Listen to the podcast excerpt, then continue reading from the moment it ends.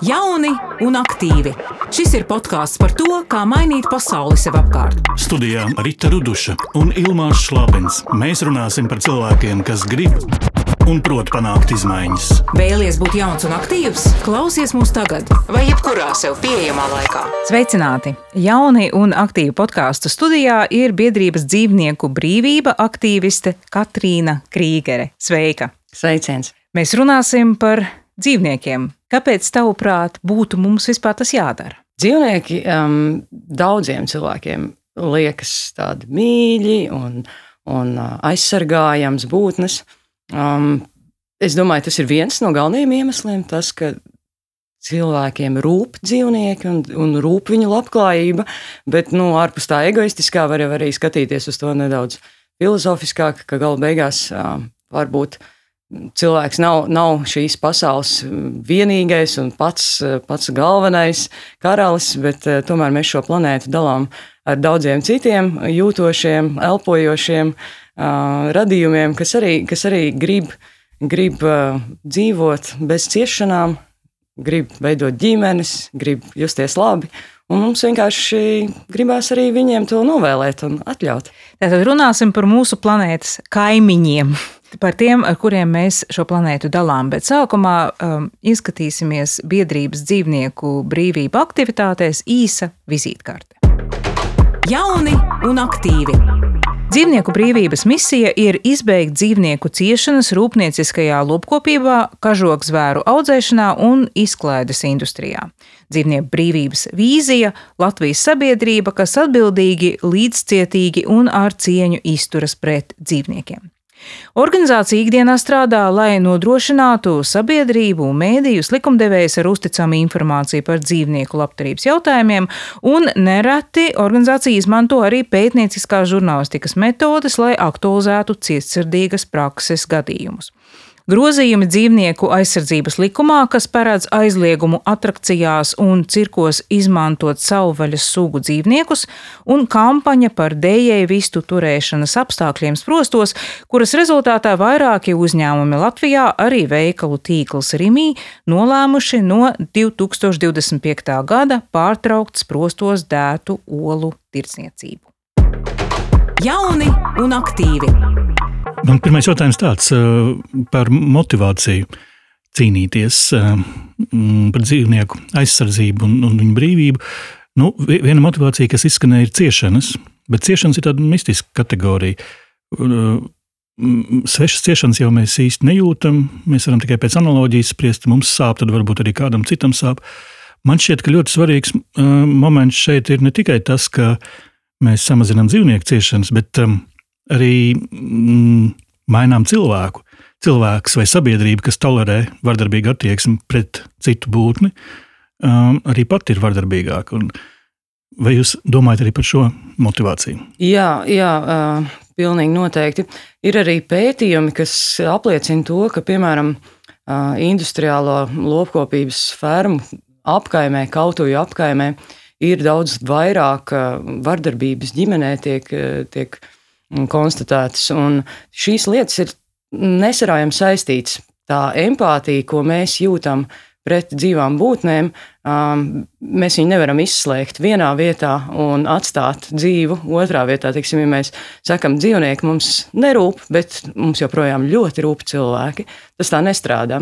Um, faktiski uh, tā. tā attieksme pret dzīvniekiem um, un, un šī vardarbības tolerēšana uh, viņu virzienā nenovēršam noved arī pret lielāku tolerēšanu viņu cilvēku starpā. Bet tas ir diezgan izplatīts arguments, vai ne? Latvijas sabiedrībā man šķiet, ka, nu, ko tad mēs par dzīvniekiem mums vispirms ir jāpabaro, jāpabaro pensionāri. pensionāri un, un jāmazina tiešām tāds um, nevienlīdzība un, un ļoti daudz neatrisināt problēmu, kas attiec uz cilvēkiem. Kāpēc, lai mums būtu jāuztraucas, teiksim, kā akvārijos smog zīvis vai ka kažoks vērus moka milzīgajās fermās? Un ko mēs viņam atbildam? Jā, tieši vienlaikus risinot šīs problēmas, mēs varam ātrāk tikt uz priekšu visās, visās viņās. Jo jau iepriekš minētais aspekts noteikti ir ņemams vērā, bet eh, padomāsim tā, vai kādreiz varētu iestāties tāds brīdis, kad visas cilvēku problēmas būs atrisinātas, un kad mēs beidzot varēsim sākt rūpēties arī par, par dzīvniekiem, kas paši sev nevar aizstāvēt. Diez vai.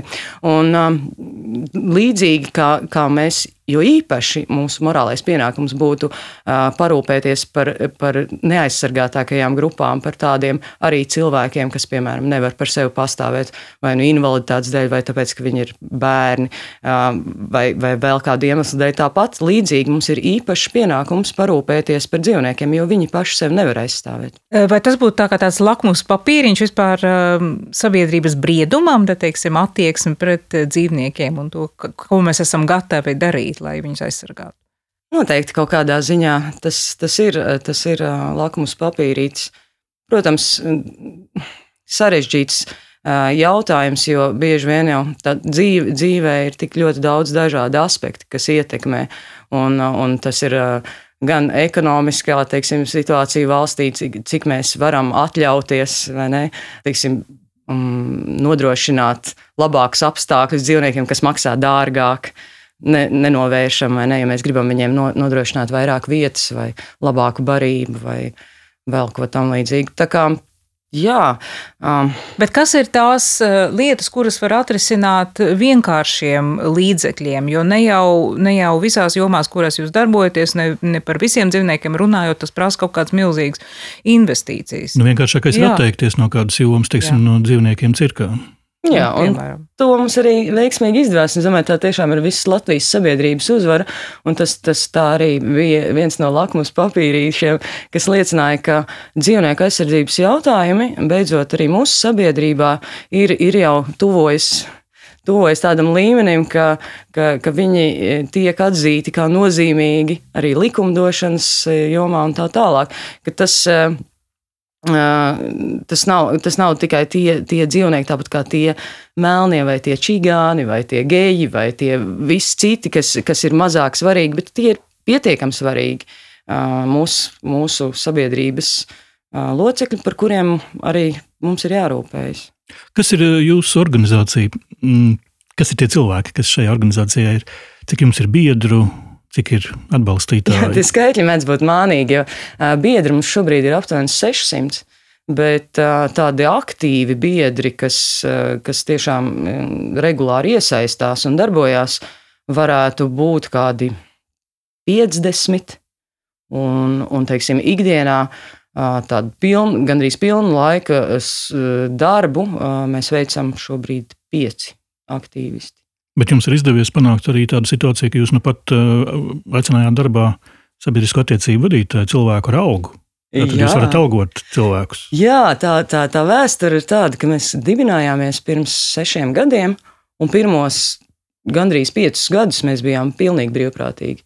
Viss bija pilnīgi brīvprātīgi, un, protams, tas, tas uh, nav ļoti ilgspējīgi, jo, jo, jo cilvēki nu, teiksim, cik, cik tu vari veltīt laiku uh, vakaros vai brīvdienās, vai tu vari iet, uh, teiksim, lobēt, vai tu vari iet tikties ar uzņēmumiem šajos vakaros un brīvdienās. Nu, nē, nevar. Tā kā mm, nepieciešamība pēc, pēc cilvēkiem, kas ar to nodarbotos profesionāli, jau bija visu laiku, bet, bet nebija tādas finansiālas iespējas. Un, Mūsu gadījumā šo finansiālo iespēju pirmo iedeva Open Wing Alliance, kas ir starptautiska uh, dzīvnieku aizsardzības organizācija apvienība, kas, kurās darbojas tādas organizācijas, kas mm, cenšas atbrīvot dēvistus no sprostiem.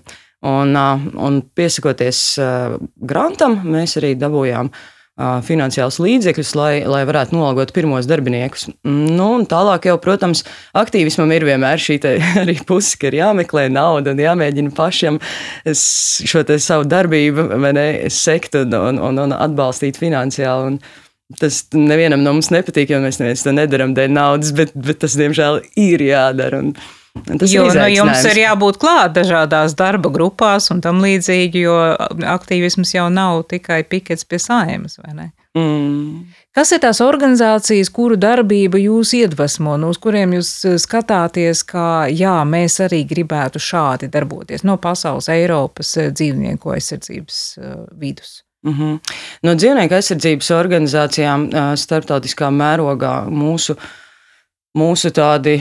Uh, autoritātes, ka, ka mēs mēģinām līdzināties, ko mēs apbrīnojam, ir droši vien, es nosauktu trīs. Tas ir VGT organizācija, kas darbojās Austrijā. Nemēģināšu atšifrēt, tas ir vāciski, ko es nemāku. Tad ir Humane League, kas ir sākotnēji radusies Amerikā, bet arī izplatījusies tagad jau pa visu pasauli. Un arī Animal Equality, kas ir mm, radusies Spānijā, bet arī jau šobrīd liela startautiska organizācija. Bet ir vēl ļoti daudz, ļoti daudz organizācijas, kas, kas mūs iedvesmo tepat kaimiņos, arī Open Cages, kas darbojās gan Polijā, gan Lietuvā, Ukrainā, Baltkrievijā, Anima Dānijā. Lūmas, Igaunijā ļoti daudz. Mēs arī sadarbojamies, un, un protams, um, nav vērts mēģināt izgudrot divriteni pa jaunu. Ir, ir sevišķi šajā situācijā, kur dzīvnieki cieš un mirst katru dienu. Mums ir jā, jāmēģina panākt maksimāli ātrs progress. Un, Tāpēc mēs ņemam vislabākos piemērus un mēģinām viņus arī īstenot šeit, Latvijā. Kādas ir jūsu metodas? Nu, ir ievērots, ka jūs esat viena no tām pilsoniskajām uh, aktivitātēm Latvijā, kas viskrāšņāk pasniedz savus notikumus. Jā, prieks to dzirdēt. Nu, mēs, protams, pieejam radoši un mēģinam rast veidus, kā, kā panākt to rezultātu. Jo mm, man reizē, reizē ienāca prātā tāds uh, raksturojums aktīvistam, ka aktīvists, labs aktīvists ir tāds, kurš. Nu, ja viņam ir jātiek tajā mājā, tad viņš tiks. Viņš vispirms klauvēs pie durvīm, durvis ciet, viņš mēģinās pa logu. Ja viņš netiks pa logu, viņš līdīs pa skursteni, bet viņš beigās tomēr, tomēr tieksies uz to rezultātu, kamēr viņš viņu sasniegs. Un tā neatlaidība. Um, Arī ir tā, kas, kas liek uh, ve, radīt jauns un jauns uh, tiksim, veids, kā, kā cīnīties par tām tiesībām. Jo viens veids nestrādā, nu, gandrīz nekas nestrādā. Vai nekas nesniedz teiksim, tādu ideālu uh, rezultātu. Tā kā. Kā ar likuma robežām, vai jūs esat gatavi arī pārkāpt to? Mēs darbojamies likuma ietvaros. Bet par metodēm runājot, viena no metodēm, kuras jūs, izma kur jūs izmantojat, ir tiksim, iefiltrēšanās kaut kādos uzņēmumos, un tad jūs vācat pierādījumus arī video formātā par uh, dzīvnieku tiesību pārkāpumiem. Jā, tātad kaut kādā ziņā smeļaties iedvesmu no pētnieciskās žurnālistikas, vai ne? Jā, um, pētījumi ir viens no mūsu darbības aspektiem, ar ko es arī ļoti lepojos, jo es domāju, ka cilvēkiem ir tiesības un, un viņiem ir nepieciešams redzēt, kas īstenībā notiek aiz tām, aiz tām um, industriālo rūpnīcu fermu sienām, aiz, aiz kautuvi sienām. Jo mm, kamēr tu nezini patiesību, tikmēr viņai grūti, kamēr tu viņu neesi ieraudzījis savām acīm, viņai grūti pat noticēt, jo, jo tiešām tas, kas tur notiek, ir, ir, ir gan šausmīgi un, un šokējoši. Un, mm, tāpēc mēs arī uh, veicam šos pētījumus, un, un mēs esam publicējuši jau piecus pētījumus. Uh, vairāk no viņiem bija kažokzvēru fermās, mm, bija arī cūku fermā, Baltika porka un bija arī uh, lielākajā olu ražotāju fermā Baltikovo dievistu novietnēs. Bet jūsu metodas eh, nedaudz kaitina valstiskās struktūras. Es gatavojoties mūsu sarunai, eh, biju aizgājusi uz pārtikas veterināro dienestu, uz veterinārās uzraudzības departamenta novietņu uzraudzības daļu. Ļoti garš nosaukums, grūti vienā apsvilcienā izrunāt. Tātad šīs daļas vadītāja vietniece Rudīte Vārna teica sekojošo. Jā, viņi safilmē, viņi atrod kaut ko, viņi konstatē. Un tad parādās ziņa mēdījos pēc vairākiem mēnešiem. Dažkārt ir bijis pusgads pagājis, kad viņi nopublicē. Tikai par, tad mēs par to uzzinām, par, par kaut kādām nebūšanām, kas tur ir konkrētajā vietā un brīdī bijis. Nu, tad, tad jau sākas kaut kāda tālāka mūsu sadarbība. Dažkārt viņi tā arī neuzsākas. Nu, ko jūs teiktu atbildot uz šādu kritiku? Nu, teiksim, PVD uzskata, ka, ja ir tātad, cilvēks no dzīvnieku brīvības, kas, piemēram, fermā vāc pierādījumus par kažokzvēru, cietsirdību pret kažokzvēriem, tad pirmais zvans ir uz PVD, nevis tiksim, uz mēdījiem. Nē, nu, varbūt var ņemt līdzi to PVD aģentu. Piemēram, jā. jā, mēs arī cīnījāmies par to, lai, lai ļautu PVD mums nākt līdz tajās pārbaudēs, jo Jo tiešām diezgan tā nu, bēdīgi, ka, ka jebkurā fermā, kurā iekļūst mūsu aktīvisti, mēs konstatējam pārkāpumus, kurus, kurus dienests nav konstatējis savā plānveida pār, pārbaudēs. Un, Uh, mēs arī esam ziņojuši, un, un, un uh, nākamajā dienā dienests ir gājis un atkal nav konstatējis.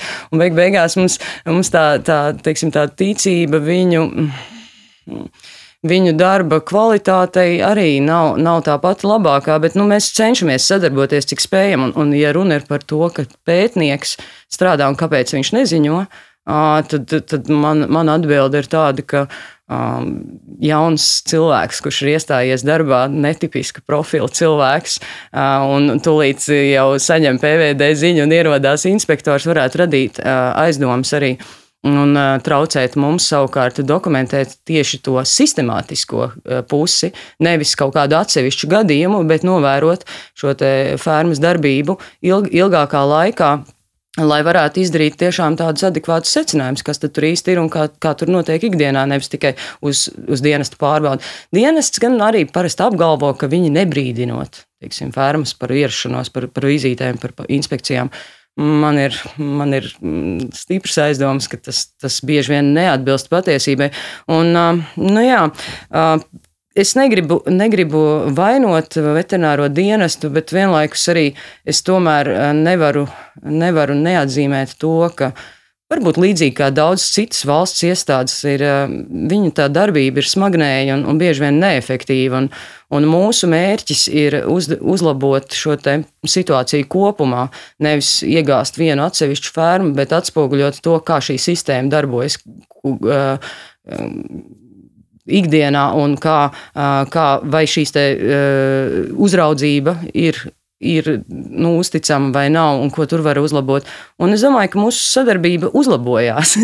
un, un arī e, es domāju, ka ļoti loģiski, ka dienestam mēs nepatīkam, jo mēs esam tāds tā kā dundurs, ja, kurš, e, kurš visu laiku norāda uz viņu kļūdām un uz viņu ne, darba nepilnībām. Un, un, um, nu, sākumā vispār, kad mēs sākām darbību, tad bija pavisam grūti pieprasot viņiem informāciju, viņi vienkārši pārkāpa likumu. Mums viņi nesniedz, un mēs, mēs viņu pārsūdzējām tālāk. Tagad jau viņi ir iepazinuši mūs, ka mēs neatlaižamies. Un... Nu, viņi arī jūs uztver kā partnerus, nu, tā godīgumu labad es piebildīšu, ja, ka tiešām saprot, ka, ka ar jums ir jāstrādā, ka jūs piegādājat arī tādu informāciju, kurai PVD vienkārši nav pieejas. Un arī, nu, tas arī ir kapacitātes jautājums, protams. Cik... Absolūti. Jā, jā. Vai jūs esat definējuši, kāda ir jūsu organizācijas mērķi, nu, bez tādas ciešanu mazināšanas? Ir dzirdēti pārmetumi vai, ne, vai atmaskojoši tādi apgalvojumi, ka jūsu mērķis ir aizliegt gaļas lietošanu vispār Latvijā. Es domāju, ja mēs gribam, lai, lai mūsu bērniem arī būtu tā, tā zemes bumba, kā dzīvot, apdzīvojama, tad, eh, tad tas tam vajadzētu būt ikvienam no mūsu mērķiem. Varbūt ne gluži aizliegt, ja, aizliegt, aizliegt, bet, bet uh, radikāli samazināt gaļas produktu patēriņu, jo tas nav ilgspējīgi. Un, Un eh, šī industriālā lopkopība ir galvenais vadošais klimata pārmaiņu veicinātājs, lielākais piesārņojuma avots tai pašai mūsu Baltijas jūrai.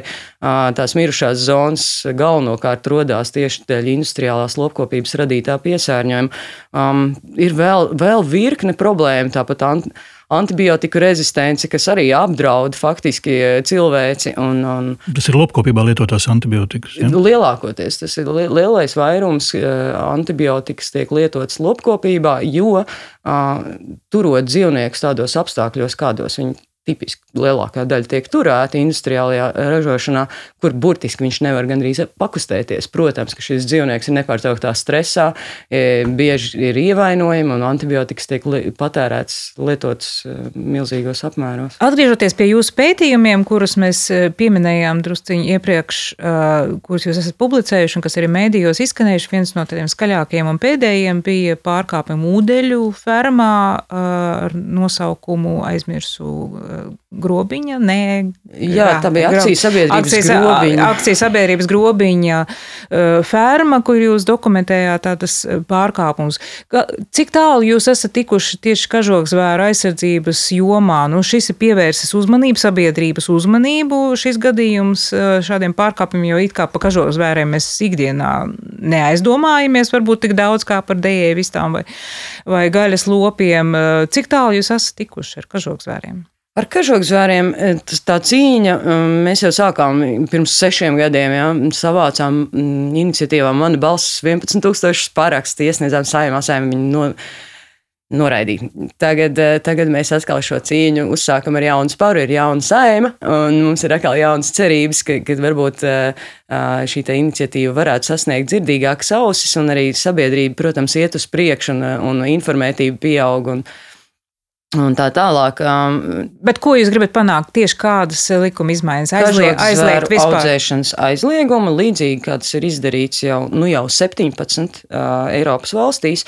Uh, aizliegumi mēdz būt dažādi, bet uh, nu, rezultāts, ka kažokzvēra audzēšana nenotiek valstīs, 17 Eiropas valstīs. Tā kā, uh, tā kā nu, Latvija, protams, nav tā pati, pati uh, inovatīvākā valsts, bet nu jau, nu jau, man liekas, mēs jau varētu arī būt jau tajā vietā, kur, kur tas ir iespējams. Un tāpat tepat mūsu kaimiņu valstīs arī ļoti aktīvas diskusijas šobrīd ir gan Igaunijā, gan Lietuvā. Lietuvā šobrīd jau ir likumprojekts, jau ir saimā jau skatīšanā par, par zvēraudzēšanas aizliegumu. Lietuvieši mums priekšā. Rekā. es par pētniekiem man bija vēl viens jautājums, nu, tieši par to psiholoģisko aspektu. Tātad cilvēks, kurš ir strādājis metodiski, vācis pierādījumus par dzīvnieku ciešanām, nu, viņas arī ir dien dienā piedzīvojis. Vai nav tā, ka pēc tam tam pašam cilvēkam ir nepieciešama psiholoģiska palīdzība, lai viņš varētu atkopties pēc tās pieredzes? Jā, jāteic, ka tas ir ne tikai pētniekiem, bet aktīvistiem dzīvnieku tiesībās ir eh, vispār eh, tāda problēma, ka saskaroties ikdienā visu laiku strādājot ar šo traumatisko, traumatisko informāciju, traumatiskajiem attēliem, video un tā tālāk. Cilvēkiem, protams, tas atstāja iespēju uz viņu psihi, uz viņu darbspējām, un, un, un mēdz būt šie posttraumatiskā stresa sindroma. Un, Mm, te pašā laikā droši vien šīs ciešanas nav salīdzināmas ar to, ko dzīvnieki piedzīvo tajās fermās. Un, un motivācija laikam strādāt un tomēr, tomēr panākt kaut kādas izmaiņas. Ir, ir, ir spēcīgāka nekā tas, tas, tas sāpes, ko, ko mēs teiksim, aktīvisti piedzīvojam, redzot tos skatus. Bet jums nav, teiksim, organizācijas iekšienē kaut kāda palīdzības un atbalsta? Protams, mehānismi. mēs atbalstam viens otru, cik varam, un, un, un tā, tā kā profesionāla psihologa palīdzības mums nav, bet mēs esam domājuši par to, ka būtu lieliski, ja kāds, kāds psihologs, psihoterapeits, teiksim, piedāvātu atbalsta mums arī kā brīvprātīgā darba teiksim, veidā, palīdzēt mūsu aktīvistiem tikt galā ar, šādām situācijām. Nav noslēpums, ka sabiedrībā attieksme pret uh, dzīvnieku ciešanām ir atšķirīga. Nu, ir kaut kāda hierarhija starp dzīvniekiem. Pret vieniem mēs izturamies ar lielāku mīlestību, citiem mazāku. Uh, tas ir līdz pat, uh, domāju, līdz pat uh, krimināla atbildībai, kas arī tiek dalīta. Ja cilvēks uh, ir nodarījis pāri gulbim, sunim vai zirgam, viņš par to var dabūt ciest. Savukārt, ja balodim, pīlēji vai zivī, vai zivī tad tas, nu, mēs izturamies pret to savādāk. Mm -hmm. Tas saucās sudzisms. Jā. Diskriminācija pēc balstoties uz piedarību kādai sugai. Tā kā līdzīgi kā rasisms. Bet kāds, ir, kāds ir skaidrojums? Vienkārši ir tradīcijas, mūsu kaut kāda priekšstati, Jā, estētika. Es... Es domāju, ka tās ir tradīcijas, tā ir audzināšana, tā ir kultūra, kā, kā mums ir teiksim, Tas jau no, no mazas, mazām dienām ir stāstīts un ierādīts. Tā mēs arī ar tādu uh, prāta ietvaru uh, mēs, mēs dzīvojam. Tad uh, reizēm ieraugot kaut kādus ērslings, slaveno filmu, kas ļoti daudz cilvēks ir padarījis par, par vegāniem. Tad, tad ir pēkšņi tāds šoks un tā pamosties citā jaunā pasaulē, kurā tu redzi, ka, ka tas, tas, kā tu vienmēr esi uztvērs lietas, īstenībā ir, ir ir ļoti netaisnīgi un, un, drausmīgi, un ir kaut kas jādara, bet visapkārt notiek šis ārprāts, un, un, un absurds un netaisnība un turpinās. Kā, jā, tad kaut kāda ir tāda dzīvnieka aristokrāta. Mēs mēdzam smieties, ka savais dzīvnieki ir aristokrāti. Viņi, viņiem ir tāds daudz augstāks status mūsu uzturē, vai arī mīļdzīvnieki, suņkaķi. Jā. Es, piemēram, pavisam nesen, būtiski pirms pāris dienām, ieraudzīju Facebookā, bija kāds ielicis e, fotografiju, vai cik mīlīgi pērnaus ielas vienā krodziņā uz galdiem saliktas vāzes, kurās ir ielaistas zivis. Ak, Dievs. Un, e, Man bija interesanti vienkārši lasīt komentārus pie šīs eh, fotografijas. Bija cilvēki, kur uzskata to par skaistu dekoru, un bija cilvēki, kas bija sašutuši, kā to vispār var darīt, jo viņus taču tur smok. Un es arī ierakstīju, ka, nu jā, ja kāds ir tiksim, aizsēdējies klients, ja, tad viņam bonusā nāk iespēja pavērot, kā zivs nomirst un, un uzpeld uh, virspusē. Ja. Tas arī ilgāk par nedēļu nu, tādu zivs tur var nu, es ne, izdzīvot. Es, es nezinu, cik bez skābekļa locekļi viņas var izdzīvot eh, vāzē tādā. Ja? Bet tas arī parāda tisim, to mūsu dažādo attieksmi. Mēs domājam, mm. vai, vai ir kāda smuka zivtiņa, kāda oriģināla ideja ielikt viņu vāzē. Ja? Un, principā, vajadzētu uzreiz zvanīt uz PVD. Un, Absolut. un, un, jā, jā, tā ir cietsirdība pret dzīvniekiem. Bet zivīm ir, ir tā, nu, tas ir arī es personīgi, arī kā dzīvnieku aizstāvs. Es arī pret zivīm tomēr izjūtu mazāk empātiju. Nu, tas ir droši vien arī kaut kā tīri fizioloģiski. Es nezinu, kādā veidā noteikts, ka, ka, ka šie spoguļu gēni e, strādā nedaudz citādāk, mēs zivī varbūt nevaram tik viegli ieskatīties acīs, mēs nevaram viņā atpazīt to seju, ja, ko mēs biežāk redzam, piemēram, zīdītājos, arī pret putniem ir mums mazāk empātija. E, tāpēc tā mūsu cīņa par dēļu vistu atbrīvošanu arī īpaši grūta, jo, jo, jo vistas kaut kā cilvēki arī nu, teiksim, mazāk empatizē ar viņām. Lai gan Protams, šie dzīvnieki tā pēc būtības neatšķirās. Viņiem ir arī tikpat daudz nu, gan intelekta, gan, gan intereses, jūtas. Nu, viņi jūt tikpat daudz kā šī cūciņa vai sunītes. Ne, ir, ir zināms pēc pētījumiem, ka visām ir daudz lielākas intelektuālās spējas nekā mums izskatās no malas. Viņš spēja atpazīt līdz pat uh, vairākiem desmitiem cilvēkus pēc sevis. Simts. Simts ja? Jā. Mm. Nu, redz, un zīves atkal mēs viņus neredzam, viņas ir ūdenī, un tad mēs varam izlikties, ka viņu nav. Kaut gan es, gatavoties šim raidījumam, lasīju, es diemžēl aizmirsu, kurā gadā tas bija, bet Šveicē bija notiesāts viens makšķernieks, kurš bija sociālajos tīklos izlielījies, kā, kā viņu zivs, kas bija uzķērusies uz āķi, viņu ar visu laivu bija eh, staipījusi pa ezeru eh, apmēram pusstundu, ja, un tad viņš pēc tam tika sodīts par, eh, par pilnīgi. Nežēlīgi nežēlīgi izturēšanos pret dzīvi. Jā, jo... Starp citu, es, um, kāda ir jūsu organizācijas attieksme pret medībām? Es neesmu dzirdējis, ka jūs cīnītos par medību aizliegumu Latvijā. Jā, nu, kopumā tā attieksme nav, nav noteikti pozitīva. Jo, kāpēc gan nogalināt uh, dzīvniekus? Bet, mm, mēs kaut kad pirmajos darbības gados mums izdevās apturēt loku medību legalizāciju Latvijā. Uh, kas bija diezgan arī laba uzvara e, tajā brīdī. Taču šobrīd ikdienā mēs fokusējamies tieši uz industriālo lopkopību, tāpēc ka mē, mūsu vērtība ir efektivitāte. Un efektivitāte, tātad mēs gribam palīdzēt ar saviem ļoti ierobežotajiem resursiem, pēc iespējas vairāk dzīvniekiem, pēc iespējas ātrākā laikā. Un, ja mēs no šāda skatu punkta vērtējam, ko mēs varam darīt, jo problēmas ļoti daudz, ja medības, arī zoodārzi, dažne dažādas problēmas tad, eh, tad industri, fokusēties uz industriālo lopkopību ir, ir eh, pareizi, jo tur ir visvairāk dzīvnieku. Šobrīd mums Latvijā, jebkurā brīdī, šobrīd ir desmit miljoni industriālajā lopkopībā dzīvnieku. Tad, tad uz katru cilvēku pa pieciem lauksaimniecības dzīvniekiem, un lielākā daļa no viņiem, kā jau minēju, nu, šausmīgos apstākļos. Katru gadu tiek nogalināti 20 miljoni, tātad 10 dzīvnieku uz katru cilvēku. Un, nu jā, un ja mēs uzskatām, ka katrs dzīvnieks ir indivīds un, un personība, un būtne, kura, kura ir pelnījusi dzīvi bez ciešanām, tad mums noteikti ir jāfokusējas tur, kur mēs varam, tur, kur mēs varam uh, palīdzēt pēc iespējas lielākam dzīvnieku skaitam, un, un tā ir industriālā lopkopība.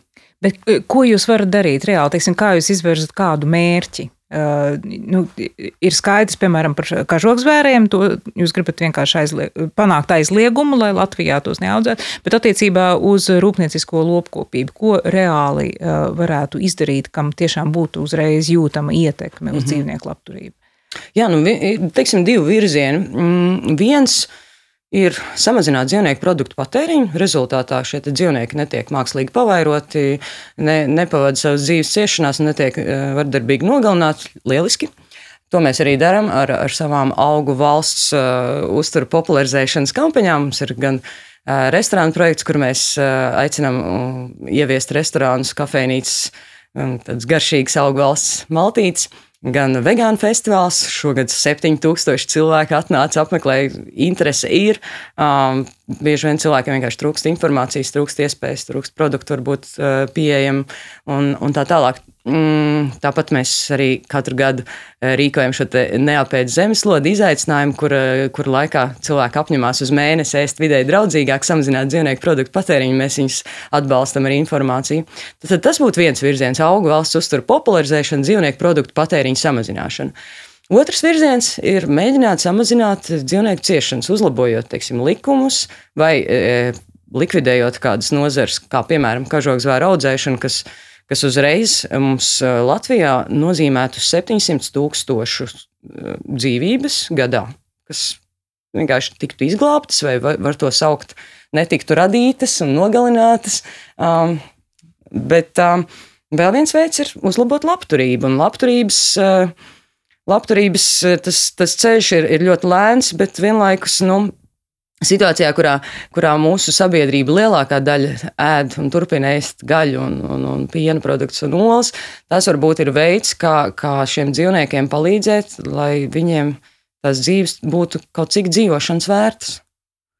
Un šeit viens no, viens no labākajiem Ga, galvenajiem mūsu šobrīd teiksim, darbiem ir, ir tieši šī dēļvista atbrīvošana no sprostiem, jo sprostos vienai dēļvistai ir atvēlēta vienas A4 lapas platība kurā viņi pavadīja visu savu dzīvi, nekad nejūt zem zem kājām, sprosta režģiem, nekad neredz sauli, ne, nejūt svaigu gaisu.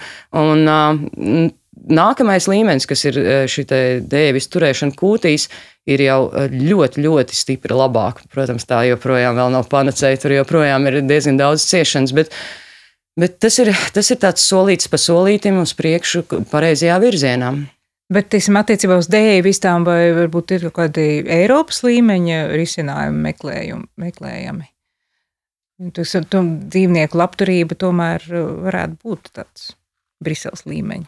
Jā, nu, Briselē kaut kas notiek, bet tas viss notiek stipri lēni. Piemēram, tagad ir eh, jau, jau gadus, jau kādus trīs. Uh, ir mm, komisija, kas izstrādā rekomendācijas par zaļo iepirkumu. Un, un viņi izskatās, ka ieliks to, kas prostos dētas olas, nevajadzētu patērēt, bet tas iet gadu gadiem. Un, un, un, un ko mēs darām darīt šobrīd? Mm, es domāju, ir tāds izteiciens domā globāli, rīkojies lokāli. Mēs, mēs vienkārši eh, darām to, ko mēs varam darīt šeit, tagad, un, un piemēram, uzrunājot uzņēmumus, kas atsakās no sprostos dētu olu tirdzniecības, mēs uzreiz jau mainām šo situāciju, nemainot pat likumu. Un kas notiks 24. novembrī? 24. novembrī visi mīļi, laipni aicināti, nāks, nāciet, iziesim kopā ielās par dzīvniekiem. Tas būs pirmais Latvijā, pirmais gājiens.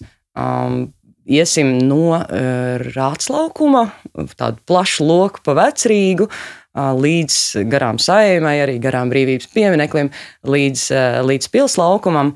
Un iestāsimies par labākiem likumiem dzīvniekiem.